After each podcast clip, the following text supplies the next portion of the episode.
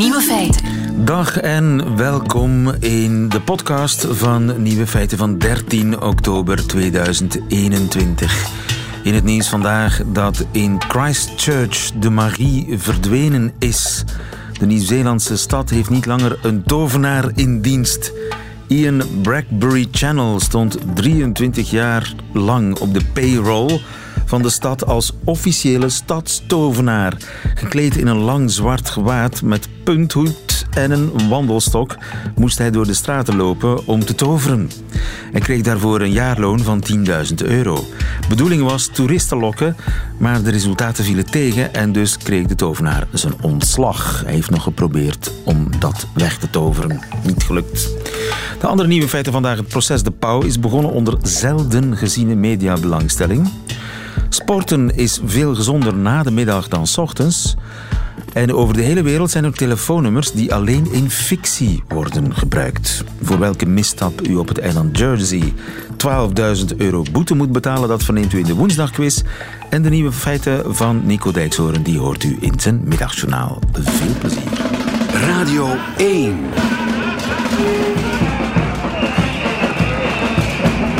Nieuwe feiten.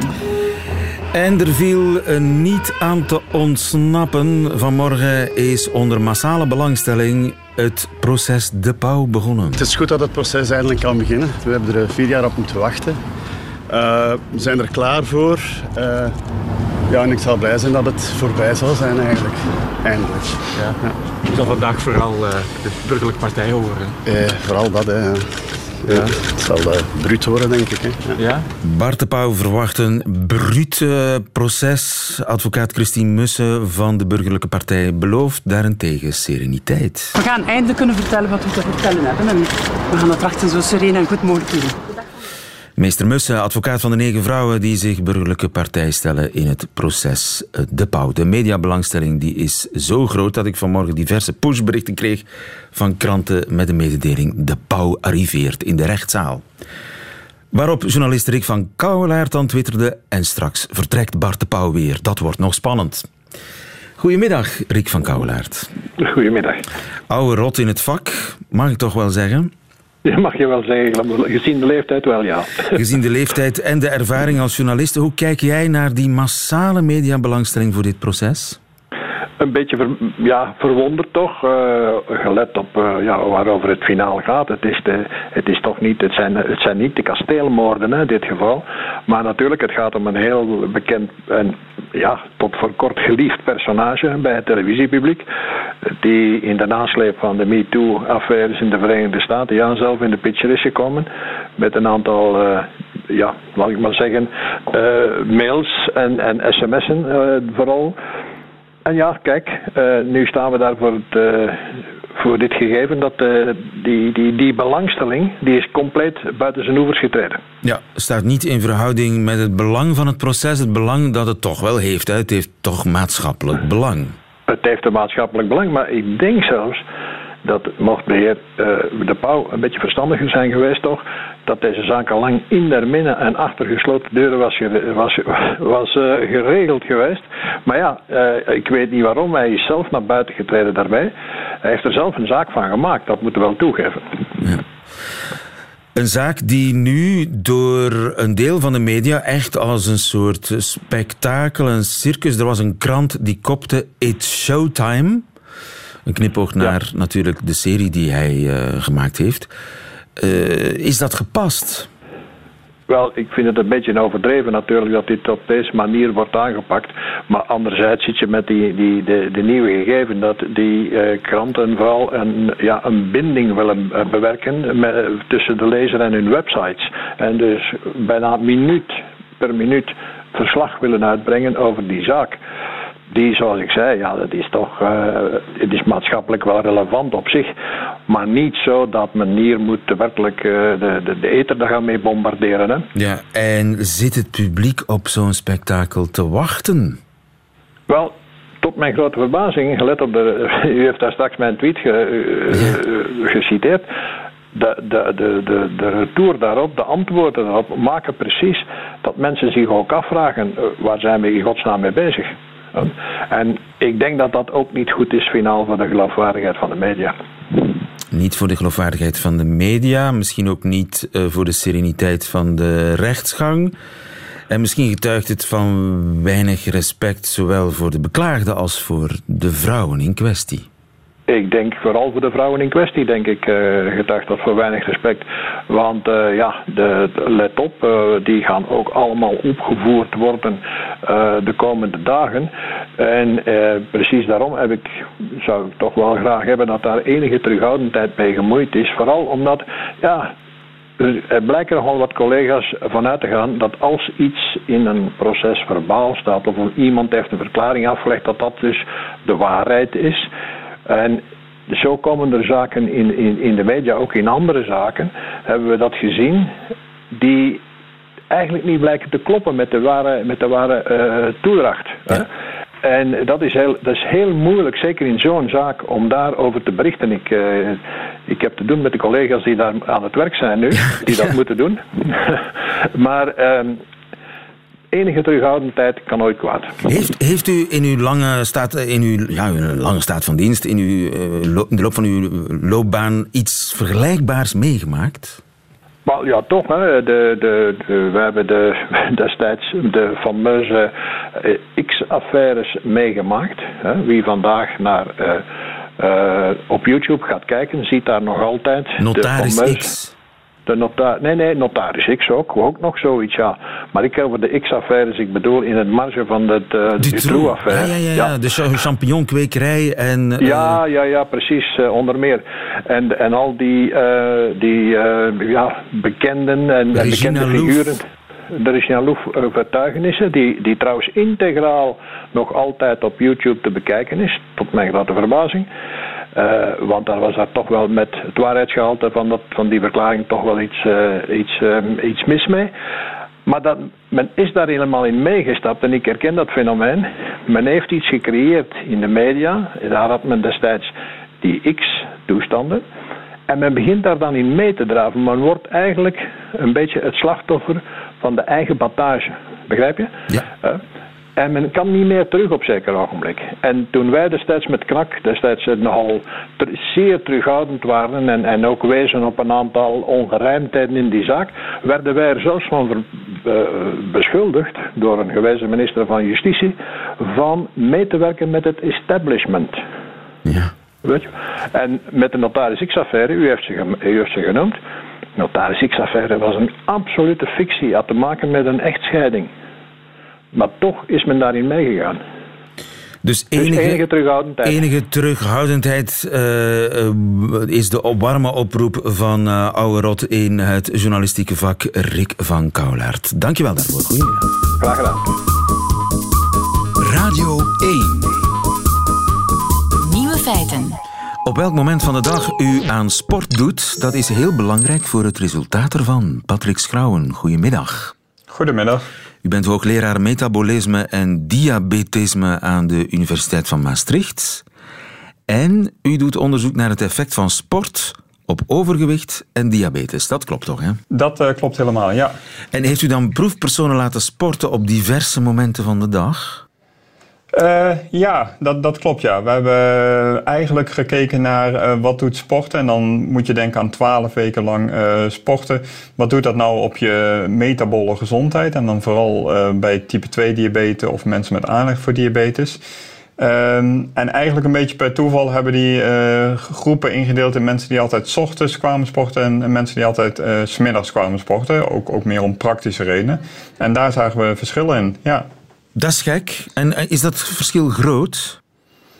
Uh, ja, voor sommige aspecten wel. Uh, in sommige dingen zijn de verschillen klein, maar uh, op bepaalde aspecten die toch belangrijk zijn voor diabetes, zoals je insulinegevoeligheid, dat is hoe goed je reageert op het hormoon insuline, en dat is belangrijk voor een type 2 diabetes, uh, zagen we toch wel grote verschillen en, en ook wel verschillen in ja, hoe, hoe goed de fitheid vooruit ging. En zagen daar ook mensen met overgewicht tussen? Ja, ja sowieso de, onze type 2 diabetes hebben bijna allemaal overgewicht. Uh, maar we hadden ook een, een controlegroep, zeg maar. Mensen met overgewicht, maar dan zonder diabetes. En ja, eigenlijk zagen we daar dezelfde effecten. En uh, vielen die ook meer af als ze smiddags sporten in vergelijking met de ochtendsporters? Nou ja, met, met, met, uh, met trainen, twaalf weken trainen. En ze trainden drie dagen per week in ons lab. En dat was dan een combinatie van uh, 1, anderhalf uur fietsen en wat krachttraining. Uh, eigenlijk val je daar niet zo ontzettend veel mee af. Dus wij kijken vooral uh, naar wat gebeurt er met je gezondheid, met je metabole gezondheid. Want natuurlijk gewicht is één ding, maar de andere is ook gewoon ja, hoe gezond ben je. Wat we wel ook zagen is dat uh, soms vallen mensen niet af, maar krijgen ze wel relatief meer spiermassa en iets minder vetmassa. Dat is natuurlijk ook heel gunstig. En daar zagen we ook wel uh, verschillen tussen de ochtend- en de middaggroep. Dus uh, smiddags veel gunstiger dan s ochtends? Ja, waarbij ik er wel altijd bij zeg dat uh, sporten uh, sowieso beter is dan niet sporten. Want ook de ochtendgroep uh, ziet wel verbeteringen. Maar het lijkt erop dat, dat het tijdstip van de dag daar wel een, nog een, een extra stapje bovenop kan doen. Ja. Voor mij is dat een raadsel. Is dat voor u ook een raadsel hoe dat zou kunnen komen? Uh, ja, nee, het is een, een, beetje onderzoek wat in, in de laatste jaren wel uh, steeds duidelijk wordt. Uh, de mens heeft een zogenaamde biologische klok. Dat wil zeggen dat eigenlijk alles in ons lichaam, alle processen, hebben een, een, een 24 uur ritme. Ehm, en een van de dingen daarbij is dat je overdag natuurlijk vooral je eten moet verwerken. En s'nachts wil je eigenlijk dat eten ja, weer vrijmaken om, om de nacht, als je niet eet, door te komen. Um, dus in die zin is het niet zo heel gek dat je dat ook inspanning daar een effect op kan hebben. Je kunt je voorstellen dat je s ochtends inspanning doet. Um, dat je vervolgens gaat eten de hele dag door en dat dat misschien een beetje de effecten van inspanning te, niet doen. Terwijl als je s'avonds gaat of, of laat in de dag gaat eten of uh, sporten en daarna niet zo heel veel meer eet, dat je s'nachts nog meer van je voorraden uit, uit, je voorraden moet putten. En ja, we weten wel dat dat heel belangrijk is. Dus, dus dat je lichaamsvoorraden, je vetvoorraad en zo, dat je die op, over de dag door moet gebruiken. Dus, en, en dus volgens die logica zou het eigenlijk net zo gunstig kunnen zijn om s'avonds te sporten.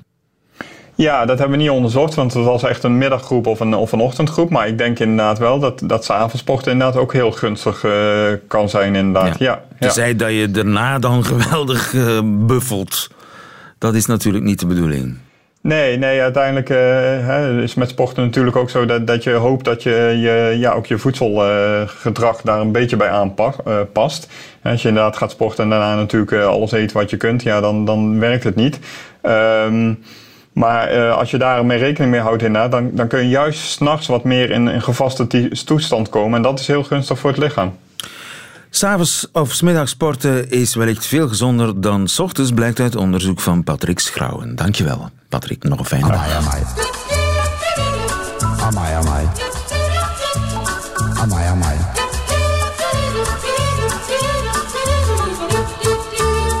feiten. 4000 telefoontjes per dag krijgt een vrouw uit Zuid-Korea nadat haar telefoonnummer toevallig per ongeluk genoemd werd in de succesvolle Koreaanse Netflix-serie Squid Game.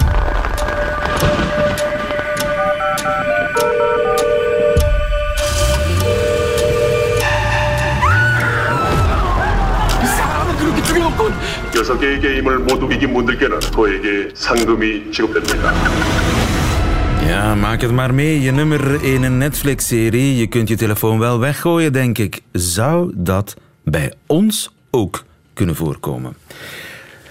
Dat vroeg Matthias Dont zich af. Goedemiddag, Matthias. Dag, lieven. Matthias van de redactie van Nieuwe Feiten. Je hebt uh, uitgebreid onderzoek gedaan vanmorgen Jawel. naar het gebruik van telefoonnummers in fictie. In series, in films, uh, in liedjes. En ja, als ik zeg liedjes, dan denkt iedereen natuurlijk spontaan aan deze Maar indien je mij wilt treffen, ben ik hier. Draai dan 7, 9, 7, 2, 4. Wiltura is natuurlijk geen uh, populaire Netflix-serie. Het is ook al een hele tijd geleden, 1964. 97, uh, wat zeg ik, 797204. Dat was het. Uh, was dat een bestaand nummer toen? Het nummer, het was een cover. Ja, Wiltura heeft... Uh... Ja, nee, maar het, ah, ja, het telefoonnummer, Matthias. Wel, het nummer was een ja, cover, nee, maar, maar het, dus, het, was een cover en de tekstschrijvers van de Wiltura-versie, die zijn wel in een telefoonboek gaan nakijken van we willen een nummer dat niet bestaat. Dus Aha. ze hadden daar wel aandacht voor. Dus het nummer ook- bestond niet? Het nummer bestond niet in België. Ah. Waar ze te weinig rekening mee gehouden hadden, is dat Wiltura op dat moment ook al populair was in Nederland. Ja. En daar bestond het nummer wel. Oei. Als Nederlanders belden naar het nummer, kwamen ze bij iemand in Amsterdam terecht. Die zag daar in het begin nog wel de grap van in, maar die werd echt een aantal tientallen keer per dag gebeld. En na twee maanden was die dat kotsbeu en heeft hij ehm, een proces aangespannen tegen de platenfirma van Wiltura. Uiteindelijk is er geen proces gekomen. Ze hebben dat onderling geregeld en de, de man heeft, ehm, heeft een nieuw nummer gekregen en daarmee was de kous af, zou je denken. Er was nog een tweede probleem met het nummer. In Rotterdam bestond er nummer 79720 zonder de 4. Dat bestond ook.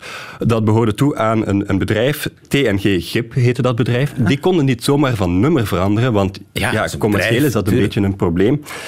En ehm, daar Die kregen veel Tura-fans aan. veel Tura-fans aan de lijn. De directeur was dat op een gegeven moment ook beu en die heeft ehm, eh, een rechtszaak aangespannen. En ik geloof dat er een dwangsom was telkens als het nummer op de radio zou gespeeld worden van 200 gulden of zo. Dat, is, dat heeft niet zo lang stand gehouden. Maar het bedrijf had wel een oproep gedaan.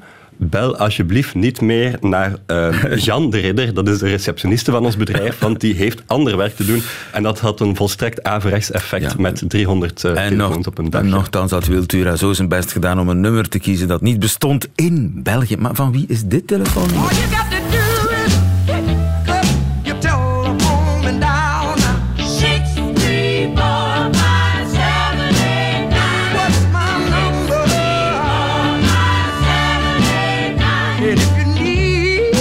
van wie is dat? Ja, het is eh, uitgebracht een jaar na het eh, nummer van Wiltura door Wilson Pickett. En eh, is daar geen probleem mee gerezen? Wel, ja, in verschillende landcodes. Dus in, in de VS heb je zonenummers, zoals wij die vroeger, of wij die ook hebben. In verschillende landcodes komt dat nummer ook voor. Dus er zijn verschillende mensen die telefoon gekregen hebben of kregen nadat dat nummer uitgekomen is in de Verenigde Staten. En ik denk trouwens dat er geen enkel eh, nummer meer per ongeluk of als grap gebeld is, want dat nummer is in 1965 uitgekomen, maar is sindsdien talloze keren gecoverd en telkens opnieuw begonnen mensen te bellen en kregen dus de eigenaars van dat nummer dus ja, grappenmakers aan de lijn. Is dat niet te vermijden? Er zijn allerlei pogingen eh, eh, voor gedaan. In, in de VS concreet hebben ze daar wel een systeempje op gevonden. Ehm, daar hebben ze op een bepaald moment beslist, we gaan een, een prefix ehm, reserveren voor fictieve nummers die mogen gebruikt worden in muziek, ehm, in film en in tv-series. En het gaat dan om 555. Dus een nummer dat begint met 555 is sowieso een nummer dat alleen in fictie, in films, in tv-series, ja, hitjes, Precies. plaatjes. Om helemaal juist te zijn, de meeste nummers die beginnen met 555. Ehm, ja, er zijn er een aantal die wel toegewezen zijn, maar de meeste 555-nummers zijn ehm, inderdaad eh, gereserveerd voor fictie. What's the phone number of the store? 555-2310. Okay, what's your home number? 555-3812. Amazing. I'm willing to bet that everyone has a 555 number. So? So, there can only be 9,999 numbers that start with 555. Aha. How many people live in LA? 8 or 9 million? Meer dan dat. Aha! Dus, That's why we have area codes. ja, de- daarom hebben we eh, area codes. Maar dus deze jongen had door dat er iets niet klopte. Nu, een andere oplossing zou kunnen zijn een lijst met telefoonnummers die speciaal gereserveerd wordt voor gebruik door artiesten. Bestaat dat nergens?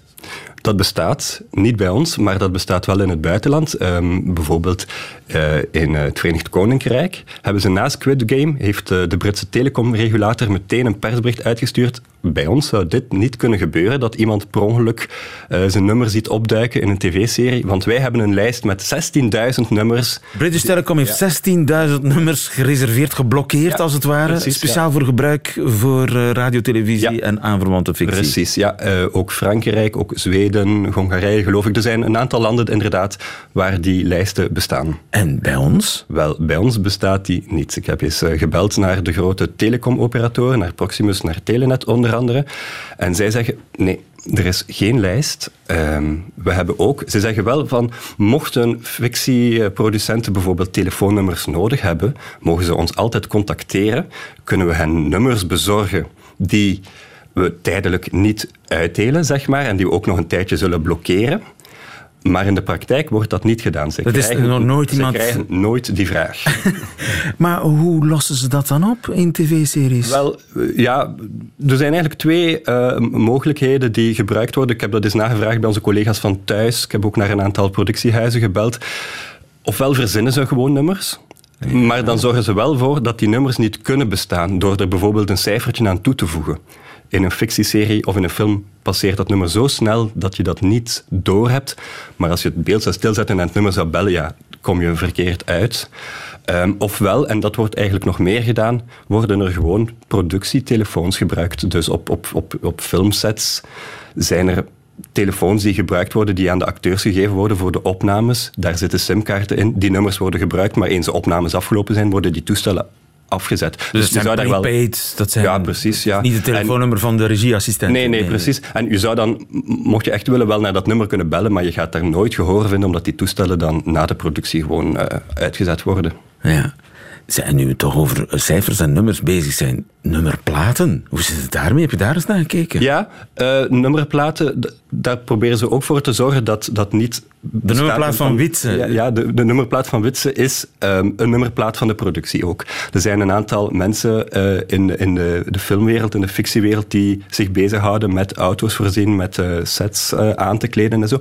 Die hebben een stapeltje nummerplaten liggen en die worden dan gebruikt. En dat zijn nummerplaten die eigenlijk niet officieel zijn. Ja, precies, ja. Die ze gekregen hebben van de... Die ze zelf de- laten de- maken. Heb je de- kan de- zelf nummerplaten laten maken. Dus ze hebben die dan zelf laten maken. Ze hebben een, een stapeltje. En die duiken ook op in verschillende fictieseries. Ik heb daar nu geen concreet voorbeeld van, maar eh, men zei mij wel van... Het kan goed zijn dat de nummerplaat van Witse nadien nog eh, op de kabinet van een gangster gehangen heeft. In een andere serie? In een andere serie, ja. Voor een andere tv? Voor een andere station? Ja, zo, ja, ja, ja. Maar dat zijn dan nummerplaten die gereserveerd zijn, die niet echt bestaan. Ja, precies. Die, die moeten dan toch ergens geblokkeerd staan Ja, bij die, de die zullen geblokkeerd staan, maar eh, het, zijn wel, eh, het, het is een heel beperkt stapeltje dat ze hebben. Oké, ik ga er eens op letten. Dus de, de nummerplaten van de, de rechercheurs en de verdachten in diverse tv-series zouden wel eens dezelfde kunnen zijn. Ik ga eh, op onderzoek, maar ik concludeer dat we safe zijn. Ja, te meer ook omdat, eh, mocht het nu toch gebeuren dat jouw nummer opduikt in een fictieserie, ehm, dan mag je klachten dienen bij de gegevensbeschermingsautoriteit, want dat eh, telefoonnummer is een, is een persoonlijk identificatiemiddel, zeg maar, en daarvoor ben je beschermd. Dankjewel, Matthias Dont.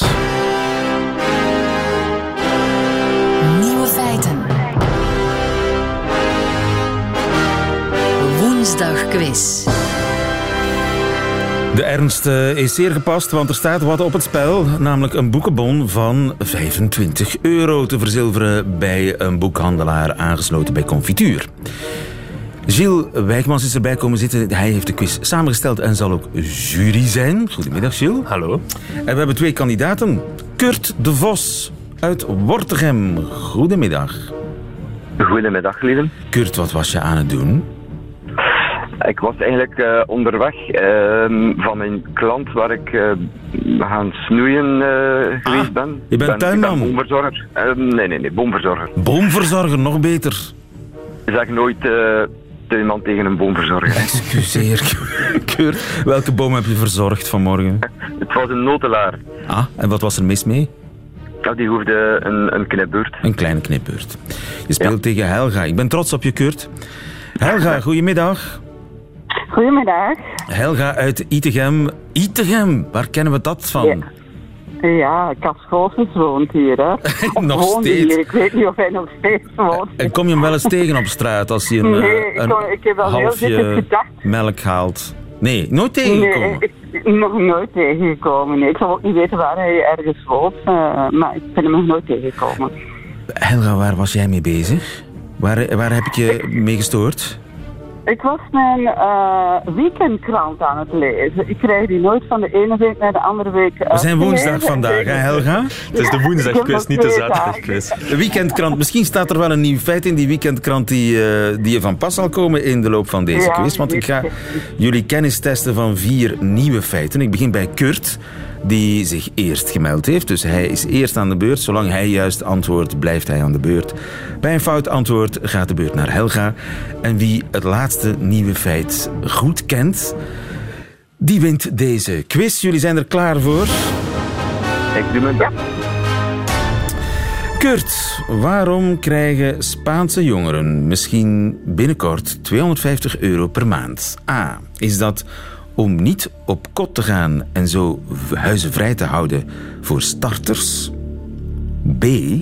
Om een opleiding sardinenvisser te volgen, want daar zijn er te weinig van. C. Om Hotel Mama te verlaten. Een soort oprotpremie. A, B of C? Wat denk je, Kurt?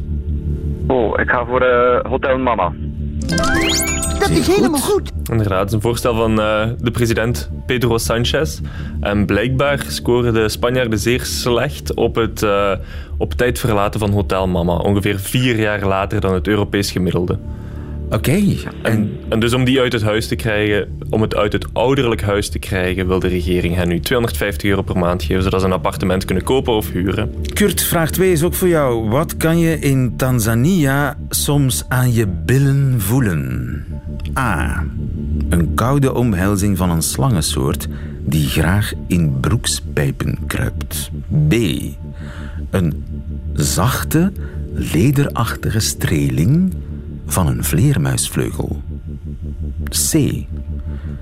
Het vingervlugge grijpwerk van een makakensoort die mensen besteelt. Eén van die drie mogelijkheden is echt waar. Ja, de, de slang lijkt mij meest logisch, denk ik. Slang. Helga, wat kan je aan je billen voelen in Tanzania? Het zou een, een, een carnavalstamper kunnen zijn, maar... eh, Ja, ja. En die vleermuizen lijken wel... Ja, dat lijkt wel... eh, Dat lijkt een beetje erotisch, zoals jij dat vertelde. Maar ik ga toch voor C. je gaat voor C. Fout. Ziel! Erotisch is bij ons altijd het juiste antwoord. Ehm, nee, Zachte, lederachtige streling van een Ja, vleermuisvleugel. en, en dat zijn niet, niet mijn woorden. Dat zijn de woorden van de onderzoekster waaruit dit is gebleken. Dus in Tanzania, op het platteland, ehm, vind je regelmatig toiletputten. En dat zijn diepe putten met een betonnen plaat overheen. En in die plaat zit een gat. En mensen kunnen dan over, die, over dat gat gaan hangen en hun gevoeg doen. En vleermuizen blijken nu, uit nieuw onderzoek dus, daar heel graag in te wonen. Die gaan dan ondersteboven aan die betonnen plaat hangen. En dus kan het wel eens gebeuren, zoals bij die onderzoekster Slechte ook neus gebeurd was. ze. Ja, blijkbaar. Maar dus die onderzoekster voelde is op een bepaald moment een vleermuis langs haar billen heen vliegen. Oké, eh, terwijl we dit nieuws verwerken, gaan we naar vraag 3. Ik blijf bij Kurt, die... Nee, tot- Helga. Ah, nee, Nee, Kurt, sorry, sorry. die het enige goede antwoord in deze quiz tot nu toe heeft gegeven, volgens mij. Kurt, een Brit. Heb je dan eens een jury? Ja. Een Brit heeft met tuingereedschap een wereldrecord verbroken. Ik ben aan het goede adres, hè, Kurt, bij jou. Hopelijk, Hoewel je ja. natuurlijk geen tuinman bent, maar een boomverzorger. Welk record heeft een Brit verbroken? A. De snelste grasmaaier ter wereld. Daarop gereden. B. Het langste jongleren met drie hooivorken. C. De hoogste bungee jump met een tuinslang als elastiek. Lijkt alle drie even krankzinnig, maar welke is waar? Ja, 2 en 3 zou ik niet doen, denk ik. Dus eh, neem maar 1. Je gaat voor A. Dat is helemaal goed. En hoe, hoe hard ging die? eh, 230 kilometer per uur.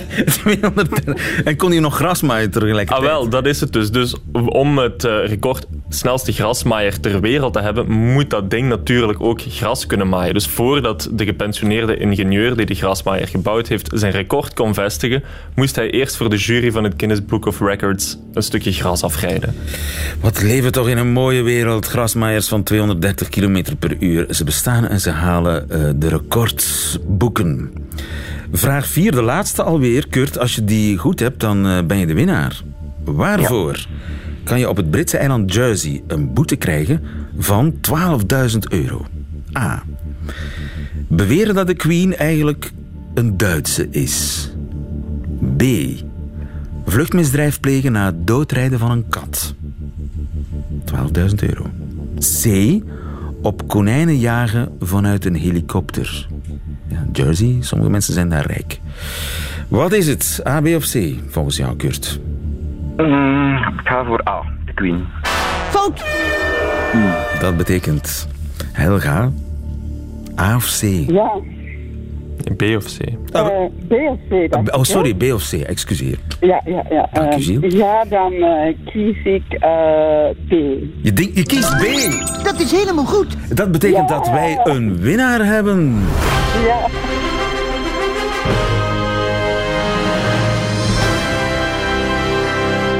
Kurt de Vos, je hebt uitstekend gespeeld, maar toch verloren. Dat is Ja, het lot geen enkel probleem. in deze Ja, ja. keiharde woensdagquiz van Nieuwe Feiten. Welke, Ja. boom, welke boom ga je verzorgen straks? Eh, opnieuw een notelaar. Opnieuw een notelaar. Het is de tijd van het jaar. Dankjewel, Kurt. En Helga, wat ga je doen met je 25 euro? Welk boek ga je kopen? Eh, ik denk dat ik het al weet. Ik denk dat ik Grand Hotel Europa ga, ga kopen. Wat ga je Eh, ik kopen? heb het gelezen. Grand Hotel Europa. Van Elliot Pfeiffer. Oké. Oh, ja, ja, ja. eh, Leonard Pfeiffer. Ilja Ja, Leonard Pfeiffer. Leonard Pfeiffer. Ja, Goeie keuze, Helga. naam niet helemaal... eh, ja. Maar ik heb nog helemaal niet Ja. aan Gilles gevraagd hoe het nu zit met, met die eh, vluchtmis, vluchtmisdrijf plegen na het doodrijden van een kat. Ja, dus dat is net besloten daar op het eiland door, eh, door de bestuurders daar dat wanneer je een kat doodrijdt, je eerst de politie of de eigenaar op de hoogte moet brengen. En dan pas mag je doorrijden. Doe je dat niet, boete 12.000 euro. Ze nemen daar het doodrijden van een kat zeer serieus. Helga Horemans uit Itegem, nogmaals gefeliciteerd. Veel plezier met je boekenbon. En volgende week is er weer een woensdagquiz. Nieuwe feiten. Dat waren ze, de nieuwe feiten van 13 oktober 2021. Alleen nog die van Nico Dijkshoorn krijgt u in zijn middagjournaal. Nieuwe feiten. Middagjournaal. Beste luisteraars, ik wil u, nu ik het deze week toch over kunst heb, graag een probleem voorleggen waar ik al wat langer mee worstel. Het is een gevaarlijk onderwerp, omdat ik na deze audiocolumn voor lange tijd niet meer de ideale schoonzoon ben. Het is een onderwerp waar al decennia lang voorzichtig omheen wordt gepraat. Het zou te pijnlijk zijn en te confronterend. En toch wil ik vandaag een eerste stap zetten om deze zaak bespreekbaar te maken.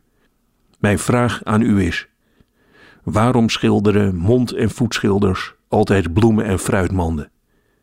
Hoe zit dat in elkaar? In Nederland komt er ieder jaar iemand aan de deur die een pakketje met tien voetgeschilderde kaarten verkoopt. Dat is iemand die zelf wel armen heeft. En altijd zijn daar tien aanzichtkaarten vol met bloemen, planten of een geschilderde pinda in dop. Ik heb nog nooit in al die jaren een aanzichtkaart gezien met een abstract gevoetschilderde afbeelding. Nooit eens een keer woeste strepen en rare vlakken en dat zo'n voetschilder dat schilderij dan Kopenhagen HHH noemt. Altijd maar weer die grisanten en rozen. Ik probeer mij dat voor te stellen. Je hebt geen armen en je oefent drie jaar lang om een penseel tussen je tenen te houden. Daarna nog eens een keer een jaar trainen om zelf verf te mengen. En dan ben je eindelijk zover, ga je een droogboeket schilderen. Hoe werkt dat? Is er misschien een wet die ik niet ken waarin staat dat voetschilders eerst vijf jaar bloemen moeten schilderen en dat ze daarna, net als alle andere schilders, iets leuks mogen schilderen? Ik moet eerlijk zijn, ik vind het ook heel lastig om te moeten zeggen: wat knap voor iemand zonder armen. Ik zou als voetschilder willen worden behandeld als een schilder met armen. Geen liefdadigheid graag. Ik heb dat trouwens ook met rolstoelbasketbal. Het is ongelooflijk knap en het is geweldig dat het bestaat. Maar je kunt met een rolstoel niet springen. En dat vind ik juist altijd wel een fijn onderdeel bij basketbal. Ik worstel dus met die vraag. Waarom ken ik geen één bekend abstract schilderij van een mond- of een voetschilder? Als ze zo prachtig kunnen schilderen, waarom dan toch steeds maar die afbeeldingen die je meteen op een gordijn kunt printen? Waarom kiezen voor rozen als je een schreeuwend konijn met een brandweerhelm op zijn kop kunt schilderen? Luisteraars, weet u hoe dat zit?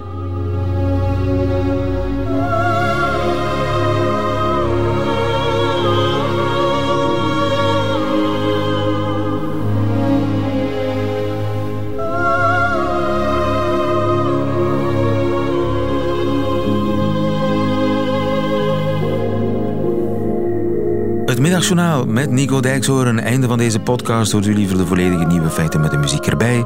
Dat kan via radio1.be of via de Radio 1 app. Tot een volgende keer.